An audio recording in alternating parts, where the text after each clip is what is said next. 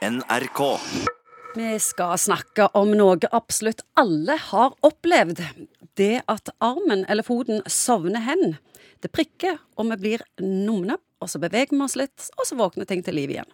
Men hos noen skjer ikke dette. Armen eller foten fortsetter å sove, og Morten Munkvik Først av alt, hvorfor sovner en arm eller en fot? Det er jo eh, nerver som blir påvirka, som gjør at man dovner vekk eller får prikkinger. Når jeg har snakket med folk om dette, så tror jeg det handler om blodsirkulasjon. Ja, og det kan være at det gjør det, for disse nervene de blir jo forsynt med blod. De trenger det for å fungere ordentlig. Så enkelte ganger, f.eks. ved diabetessykdom og sånne ting som det, de har ofte bortovninger og sånne ting. Kroniske bortovninger nede i føttene.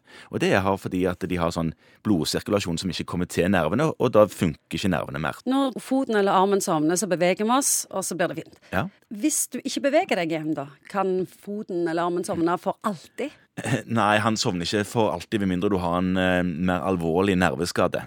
Så du, du, Noen ganger, så, som du sier, så må man liksom gå han til igjen foten, eller riste armen løs, på en Hvis, måte. hvis du har sovet skikkelig vondt på han eh, en natt, så kan Ja. det jo være en liten prosess.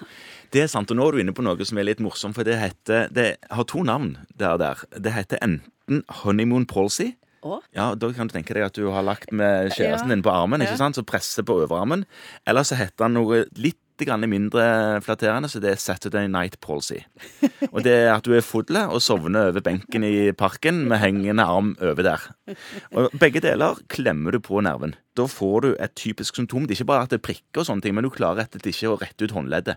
Du får det som heter dropphånd, så du blir gående ut med hånden hengende i håndleddet. Hvor lenge var det? Ja, Det kan vare eh, noen dager. Oi. Det kan det. Når skal vi bekymre oss for når eh, armer og bein dovner vekk? Noen ganger så er det jo sånn at det kan stå på over tid. Da kan det jo være at eh, du har sykdommer som man kan utrede. Og Det er ikke nødvendigvis noe man får behandla så lett, men det kan være greit å vite at dette her har et normalt forløp, at det tar noen måneder, og så kommer det tilbake igjen. Det kalles f.eks. noe som heter polynevropati. Det høres vanskelig ut, men poli er mange, og nevro er nerve, og parti er sykdom. Så det er sykdom i mange nerver. Typisk er at du da får sånn hanskesokkutfall. Nederst på armene, i hendene, og nederst på beina, nede i føttene, så får du bortovninger. Og det kan spre seg litt nærmere enn kroppen, og da blir det jo engstelige, selvfølgelig, men det, det kan en følge med på, og gå ofte tilbake igjen. Men de tingene kan gjøre en litt engstelig, og da kan det være greit å, å spørre legen sin om hva det der er for noe. Ja, hva er det for noe? Det er ikke alltid så Det, det hender at det stopper med at det er en polynevropati, og så, og så vet en ikke helt hvorfor, hvorfor den har det. Ja. Man har jo òg nervepåvirkninger i ryggraden. Sant? Mange får eh, prolapser og nervepåvirkning til de ryggmargsnervene som er. Og Da kan en ha det i beina, at en har det som er klassisk sånn ischias. Da har en prikkinger og smerter nedover i foten.